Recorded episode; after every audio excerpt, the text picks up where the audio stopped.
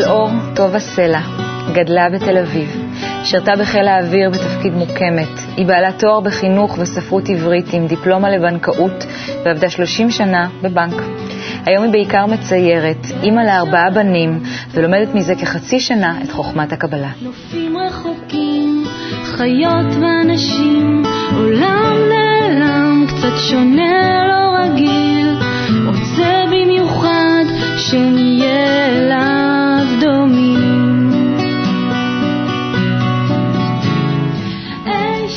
שלום טלור. שלום. את סיפרת לי שאת אה, דור שני לשואה המובהקת, גדלת על סיפורי השואה, וחיפשת כל החיים שלך אחרי השמחה. אז היום אני רוצה שתיקחי אותי במסע שלך אה, אחרי חיפוש השמחה, ואיך אה, הדרך הזאת ניתבה אותך עד לכאן, בסופו של דבר. אז פשוט בואי נתחיל עם החפצים שבחרת להביא. בשמחה.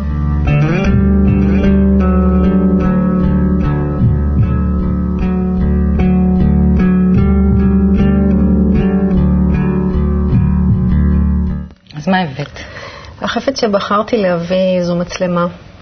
מאז שאני זוכרת את עצמי, אני מצלמת, מתעדת, מפתחת, ונותנת גם לאנשים בדרך כלל. למה? יש בי איזשהו יצר הנצחה. כפי שההורים עלו לארץ, הם עלו רק עם הבגדים לגופם, לא נשאר שום דבר חוץ מהזיכרונות הקשים. וכנראה שזה מה שהוביל אותי, לצלם כל דבר, שיהיה מזכרת, שיראו. כל מה שעשיתי, כל מה שעושה, אירועים, לתעד, שיהיה שמח, להראות את השמחה. זה בעיקר. זה מעניין, כי היום את מציירת, שזה משהו שנובע מרגע, אפילו מציירת בצורה אינטואיטיבית. כן. שאת מתעדת איזשהו רגע שהוא פנימי יותר, פחות חיצוני. זה, זה חיצוני והציור משהו פנימי? כן. ועדיין אה, בתהליך הציור שהוא אינטואיטיבי, ואני אמורה לעלות על ציורים שכבר ציירתי, קשה לי מאוד למחוק את מה שעשיתי קודם, אני חייבת קודם לצלם, לפחות שיישאר לי מזכרת. ואני קצת חורגת מהכללים של הקורס, אבל... אה, את לא מסוגלת אבל ל... כן, אני כן, אוהבת לשמור, ויש לי המוני אלבומים, המוני. אני מסדרת מיד כן. את התמונות. בואי נלך אחורה בזמן, לראות איך הדברים התחילו. כן.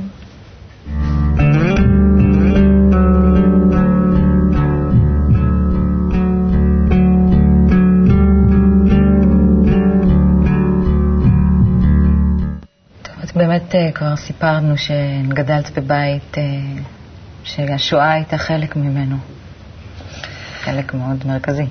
כן, הסיפור הישרדות של הוריי הוא מופלא, כי מכל המשפחה שנספתה לנגד עיניהם, הם אה, שניהם קפצו, כל אחד לצד אחר, ונותרו בחיים. כן. והסיפור הוא ארוך, השורה התחתונה זה ש...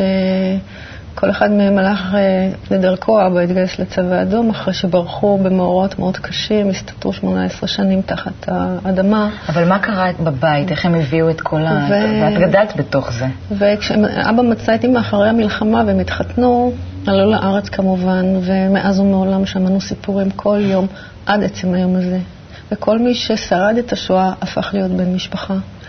כן. ככה אני גדלתי על סיפורים. מהבית. כן, גדלתי רק על סיפורים. עד היום כשאני באה להורים, זה מה שאנחנו שומעים, כל פעם סיפור, חזרה.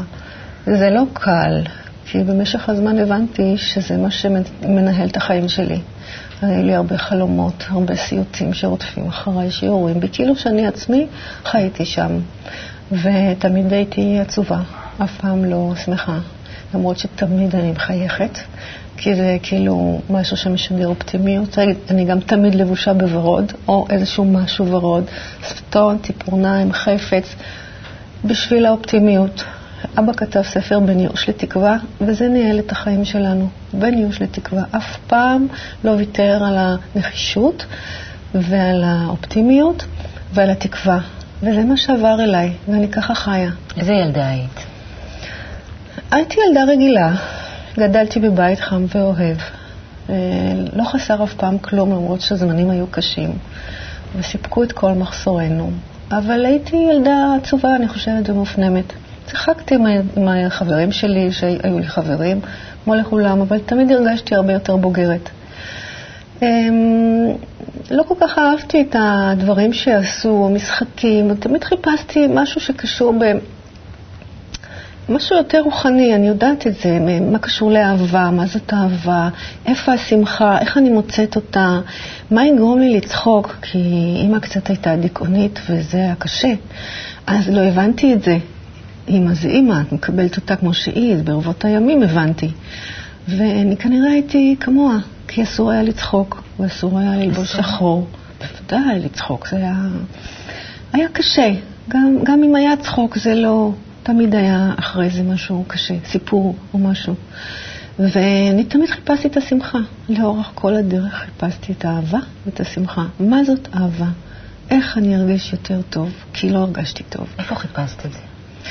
אה, כבר בגיל מאוד צעיר, בסביבות גיל 14-15, קראתי הרבה ספרי שירה, את אה, רבינדרנת טגור, אה, סימיני כחותם, כתבתי שירים שדיברו על אהבה. ושאלתי מה זאת אהבה, וכתבתי ציטטות, והעתקתי ושמרתי במגירה. ו... ובכל מקום שהייתי הולכת, אני חושבת שהייתי מתנהגת אחרת. הייתי מתנהגת באדיבות, בנימוס, הייתי ילדה נורא טובה, מעובעת כזאת אפילו. אמ, והגעתי לכל מיני קורסים, חוגים שקשורים מודעות. בגיל כזה? בגיל אה, כן, צעיר? כבר בגיל צעיר. כן, כבר בגיל צעיר. וככה זה היה גם אחרי הצבא, מאוד במיוחד אחרי הצבא. בואי נלך לאחרי הצבא. כן.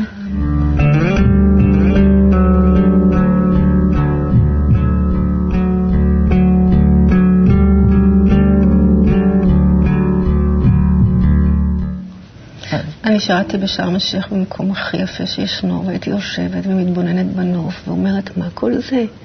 מי עשה את כל זה? כמה יופי יש במקום הזה? וזה היה מאוד נשגב ולא מובן. אחרי צבא הגעתי לחוג, אה, חוג, הגיע לארץ שליח של הגורו מהרג'י. הגורו מהרג'י. כן, שלוש שנים הייתי שם. הלכתי למפגשים, הייתי שומעת, מקשיבה. אף פעם לא הצטרפתי לקטע של התלבושת, של האוכל, של הדברים החיצוניים, אבל הייתי שומעת וזה עושה לי טוב. הייתי מרגישה המון חום ואהבה, ולזה התחברתי. אחרי שלוש שנים כנראה סגרו שם את המקום, והמשכתי בדרכי לחפש. החיפוש הזה, לפני שאנחנו ממשיכים להמשך החיפוש, שהוא... אה, זה הפך להיות ממש, מגיל, אם זה מגיל מאוד צעיר, אז בטח זה הפך להיות כמו, כמו איזה pattern בחיים. כן. לחפש ומה ברגעים שבאמת ההחלטה לחפש, אה, מה הייתה ההרגשה שהניעה אותך לחפש? הייתה הרגשה מאוד גדולה של ריקנות, של כובד, של אי-בהירות, של אה, מה זה החיים האלו ולאן זה הולך. זה זכור לי מאוד חזק. ומה זאת אהבה, ואיפה יש אהבה, ובעיקר איפה יש שמחה. כל מקום שבאתי הייתי אומרת, אני באתי לפה כי אני רוצה להיות שמחה. ו... ועשיתי הרבה דברים. אה, במהלך החיים שהיו כל מיני אירועים לא קלים, בכל זאת תמיד הייתי עם חיוך, בוכה, אבל מחייכת, תמיד היה ביחד. בואי נלך באמת, מה קורה כן. אחרי שאת עוזבת את המהרג'י? הרבה קורסים של אה, דמיון מודרך, אה, אה, תקשור, נומרולוגיה, קלפים אינדיאנים, איסוף חלקי נשמה. אז קיבלת משם? זה משהו שנשאר? בכל מקום קיבלתי. בכל מקום הייתה תחושה שהנה השמחה מתחילה לחלחל, אבל אחרי זה לא, חסר משהו, לא, לא קיבלתי איזשהו ידע, איזושהי הבנה, אבל זה לא היה מושלם, זה לא התמיד. אבל גם התחתנת, ונולדו לך ילדים. אז כן, במשך ה... התחתנתי יחסית מאוחר, בגיל 28 וחצי, ועשר שנים הייתי רק בהיריון. אני עסקתי בהנצחה, אני רציתי שיהיה לנו משפחה גדולה. רציתי תמיד לכפר על הסבל שההורים סבלו, ולעשות להם טוב, וחשבתי שילד במשפחה גדולה יחזיר משהו מהשמחה הזאת, שכמובן זה החזיר, זה כל ילד היה עולם ומלואו. אבל היו גם קשיים בדרך. והמשכתי גם בזמן שתמיד הייתי בהיריון ואחרי לידות, תמיד הייתי בחוגים, פה ושם כמה שיכולתי, עם הקושי של הגידול של ילדים קטנים. והזוגיות לצערי לא התממשה כפי שחלמתי, ונאלצתי לצאת מהפרק הזה עם אה, ארבעה ילדים קטנים. הכרתי מיד בן זוג אחר. שבאופן אה, מאוד מיוחד, בדרך שלו, מאוד מיוחדת, הוא היה רוחני, אבל גם שם לא הרגשתי את העושר המושלם שחיפשתי, את השמחה המיוחדת. תמיד קינאתי בו על שלמות אה. השקט הנפשי שלו. אבל לא הצלחתי להבין איפה זה מתחבר, איך זה מגיע. זה לא הגיע אליי, אני המשכתי לסבול. קרו כל מיני מאורעות קשים, ולצערי הזוגיות הזאת, פרק ב', התפרקה בכאב גדול, בייסורים עצומים, ובהרבה שאלות ותהיות למה. ומה קורה פה, ומה מנהל את העולם. וכל הזמן חשבתי שלא יכול להיות, כי תמיד הרגשתי שיש מישהו ששומר עליי. גם בדברים הכי קשים, תמיד ידעתי שיש מישהו ששומר עליי. זו הייתה ידיעה מאוד חזקה. עכשיו, אני באה מבית מסורתי. מדלקת נרות, הולכים בחגים לבית כנסת, גם אצלי אני מדליקה נרות ועושים קידוש. והייתה מין ידיעה כזאת, שלמרות השואה, כאילו מה קרה פה, מישהו עליי תמיד שומר. וככה המשכתי ללכת לדרך האומן ול... באמת, אה, המון המון אה, חוגים אפילו. לא מוותרת. לא מוותרת. ופה עכשיו, לאחרונה שנפרדתי מבן זוגי בכאב גדול וייסורים, זה השפיע בצורה מאוד דרמטית על הנשמה. ואני הלכתי וחליתי. עוד במהלך הזה, לפני הפרידה, הגוף שלי לא החזיק מעמד, ונאלצתי אה, להיפרד ממקום העבודה אחרי 30 שנה, אה, על אובדן כושר עבודה. וממש שקעתי בתאומות הייאוש. זה כל כך השפיע עלייך עד שזה הגיע למצבים. כן, מצב, מצב שבו כבר לא יכולתי לקום בבוקר, ללכת לעבודה, והייתי שקועה במחשבות הטורדניות האלו, מה קורה פה ולמה. בעיקר למה? כי הבנתי שפרק אחד הסתיים קורה. הפרק השני, שהיה עטוף בהמון אהבה, ברובו, כאילו איזושהי יד מאוד חזקה, נתבע את זה למקום שזה הגיע, והיה לי פלונטר גדול עם הדברים האלו. לא הצלחתי להבין למה. וחליתי עד כך שלא יכולתי לצאת מהבית, לא יכולתי לנהוג. היו לי סחרחורות מאוד קשות, ונאלצתי פשוט להיות שק תפוחי אדמה. שכבתי והבנתי שרוצים שאני אסתום את הפה ואקשיב. זה מה שעשיתי. ואז כל מה שיכולתי לעשות זה להדליק טלוויזיה, שזה המדיום שאני לא מחוברת אליו בכלל, והגעתי לערוץ הקבלה. ובאורח פלא, כי לא הייתי מחוברת לערוץ הזה פיזית, אה, לא שילמתי עבורו, אין לי מושג אפילו שהוא היה שם. אה, שמעתי פתאום את הרב לייטמן. ערוץ קרמה. ערוץ קרמה. כי ו... ערוץ הקבלה הוא בחינם. לא, ערוץ קרמה בהוט. ואני פשוט שמעתי את הרב מדבר, והרגשתי כאילו מגנט מושך אותי. וזה היה קצת לפני הקונגרס. אמרתי, אוקיי, יש לך פה רמז. רגע, רגע, רגע, אני רוצה כן, את הרגע הזה. קצת.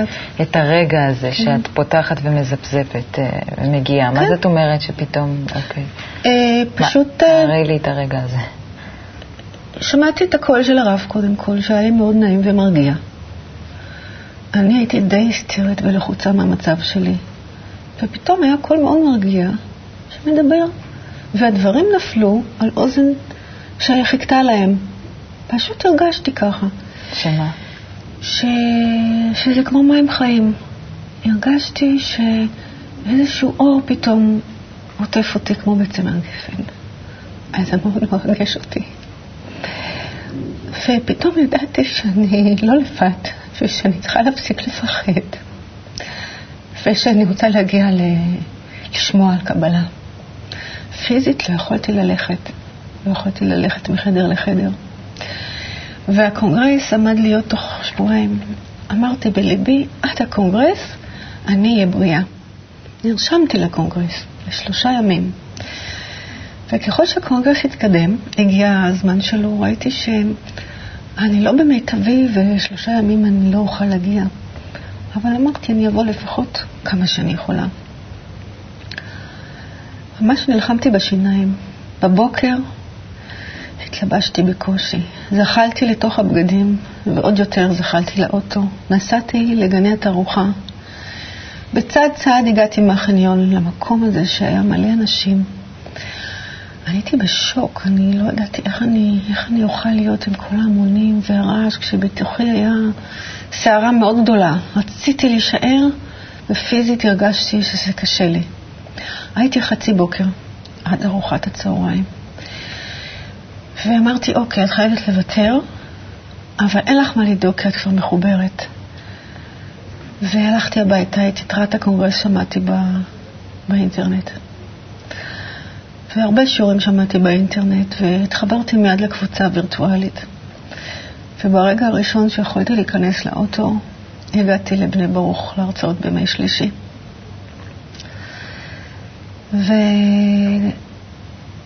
וזה מפליא, כי תוך שבוע לא היה את ערוץ הקבלה בהוט, כי אני לא, לא היה לי רישום. כמובן שמיד התחברתי, כן, מיד התחברתי. כאילו מישהו שלח לי את השבוע הזה במתנה.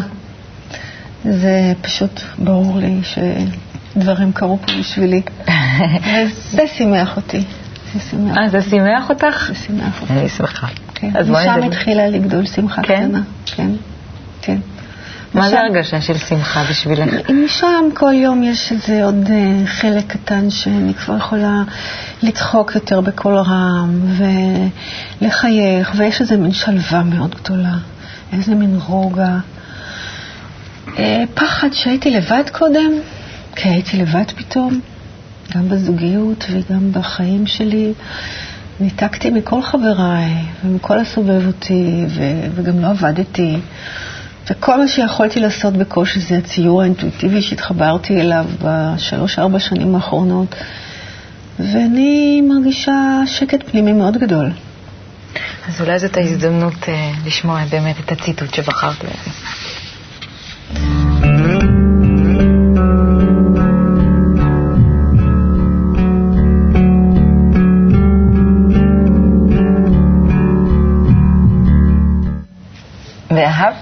לרעך כמוך. המקור זה מספר ויקרא, אבל כולם משתמשים בזה. זה משפט שמדבר אליי ממש בכל נימי נפשי וגופי. אני תמיד הייתי ילדה אדיבה ומנומסת, וחושבת שיצר האדם טוב מנעוריו, ומתייחסת ככה לאנשים. ותמיד היה מאוד כואב לי שאנשים מתנהגים בגסות ו- ולא בנועם, ואיך שהם מתנהגים. אה, זה לא שהייתי מהירה, אבל זה היה כואב לי. כי ידעתי שלהעיר זה לא הרבה יעזור לי, אפילו לעיתים מסוכן. ו... וזה כאב לי. כתוצאה מאירועים שקרו בחיים שלי, אני לאט לאט הלכתי והקשחתי את ליבי. והגעתי למקום שבו ממש הרגשתי שאני הפכתי להיות מפלצת. אני פשוט, אה, היו ימים שלא יכולתי להסתכל על עצמי במראה. אמרתי, זו לא את, במיוחד שהשם שלי היה טובה, ואני תמיד הייתי טובה. זה היה שם מחייב, ואני הייתי גאה בזה שהוא מחייב אותי, אבל אני טובה, כאילו, אין לי בעיה להגיד, כן, אני טובה. והקטע הזה שבו הפכתי להיות משהו אחר, לא טוב, לא נחמד, לא, לא מפרגן, לא סולח אפילו, וזה עשה לי משהו לא טוב בגוף. לדעתי, זאת אחת הסיבות שגם נחלשתי וחליתי בצורה מאוד מסוימת. ופתאום שמעתי את המשפט שכל כך קמדתי עליו כל החיים, ואהבת לרעך כמוך, וזה התחבר לי למי שאני רוצה להיות, ופתאום זה נתן לי לגיטימציה להיות. בתוך המשפט הזה להיות את הדבר הזה. וזה מצחיק כי אני הרבה אומרת לילדים שלי בבית, אני כותבת להם מיילים לפעמים, כל מיני דברים קטנים שקורים. יש לי ילדים מאוד טובים, אבל פה ושם קורים דברים שזה המשפט שיכול לרפא, שיכול לעזור. אז המשפט ואני... הזה, הוא, ואהבת לרעך כמוך, הוא גם איזו שאיפה? יש, יש בו עומק שגם של השגה, של להשיג אותו מבחינתך, או שמבחינתך זה... את כבר... אה, מבחינתי זה מהות שאי אפשר בלעדיה.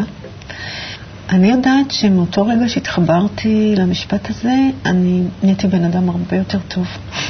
וזה מאוד משמח אותי, זה פשוט עשה לי שמחה מאוד גדולה. מה נותנת לך הדרך של הלימוד, הקבוצה הווירטואלית, האנשים? קודם כל, מרגע שהתחברתי, הרגשתי משהו שהוא כאילו לא, שאני לא לבד.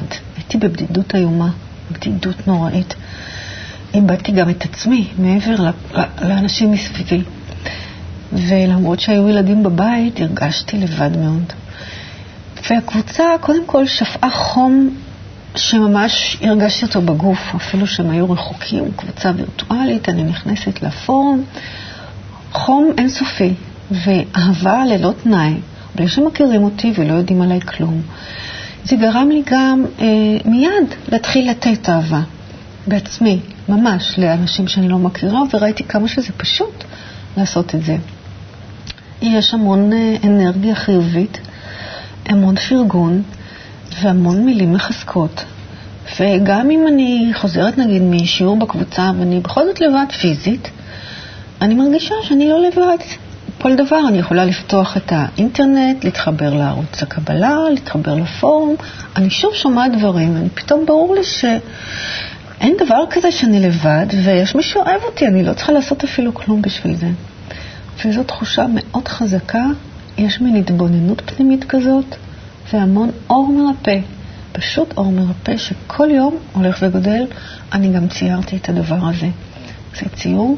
שעוד מעט את הולכת גם לעשות תערוכה, להציג את כן, הציורים האלה בתערוכה. את כל הציורים שלי שהתחלתי לצייר מאז שאני בקבלה, הם שונים לחלוטין. וזה מאוד משמח אותי, וקורים המון דברים טובים מאז שאני התחברתי לקבלה. עכשיו אני רוצה לשאול אותך אה, על העולם, מה את מאחלת לו? אני מאחלת אה, אחדות ממקום פנימי, ממקום של הבנה שבאמת אין דרך אחרת אלא להיות טובים יותר אחד לשני ולאהוב אחד את השני. כי מהמקום הזה אה, אפשר רק לצמוח ולגדול, ונראה לי שגם תבוא ישועה. אני גם יודעת שבבית שלי אבא היה תמיד איש שלום, מפשר, אף פעם לא הרים את קולו, תמיד הוא דיבר על אהבה ועל שלום. וזה המוטו בחיים שלי, ונראה לי שאין דרך אחרת היום מאשר הדרך הזאת, של אהבה אחד לשני, של יחד, של אחדות, מתוך הבנה פנימית שזה מה שנותן לנו את החוזק, את העוצמה ואת האפשרות להתמודד עם דברים. את מרגישה שסגרת מעגל אולי מאז הילדות אה, ועכשיו עם הקבוצה הווירטואלית? אני מרגישה שהגעתי למקום שחיפשתי כל החיים. אני מרגישה את השקט שלא היה לי אף פעם. איזושהי הבנה שכל המרוץ של החיים שלי נפסק אחרי כל מיני דברים חיצוניים, הרי תמיד ברחתי לכל החוגים, נסעתי לחו"ל, נסעתי בארץ, מה לא עשיתי? כל הזמן הייתי במרוץ. ממש הרגשתי שאני רצה סביב הזנב של עצמי. יש לי כוח, אין לי כוח, יש לי כסף, אין לי כסף. בלי סוף. ופתאום הבנתי שאין צורך יותר. אין צורך, הכל כאן, הכל בפנים, הכל לידי והכל לטובתי. ובאמת, השמחה הזאת היא כל יום גדלה, ואני מצאתי אותה, ואני יודעת שהיא תפרוץ גבולות יותר, יותר, יותר, יותר, כמה שזה כל הזמן נפתח. אני רואה את זה בעיני רוחי, איך זה נפתח, והמון אור. אני חייבת להגיד לך, לסיום, שבאמת התחלנו את השיחה, את היית במקום אחד, ועכשיו כשאת מדברת על השמחה הזאת, תראי את החיוך הזה. כן. אני מאחלת לך שבאמת כן. השמחה שלך תגדל ותגדל מיום ליום. תודה רבה. כולנו ביחד. תודה רבה, טלור. שוב לא אראה דברים כאמש, כי בא גל גדול ושטף את כולי. לרגע ראיתי ושוב נעלם. את אותו האור שנצץ ונדם, ולשוב לא יכולתי, לנקיק הנסתר ממנו באתי. כי נפרס לפניי עולם שלם, אמיתי עד כאב ולגעת רציתי, ובפרוץ שמחתי שלה כה חיכיתי, ידעתי דמעות ישטפו את פניי, זה די, כי שאלה הייתה בי, וביקשתי תשובה. מהי אותה אהבה? רגע נגע בי, רגע הרגשתי, תחושת התעלות מעוף של נצח, לכמה שניות שהפכו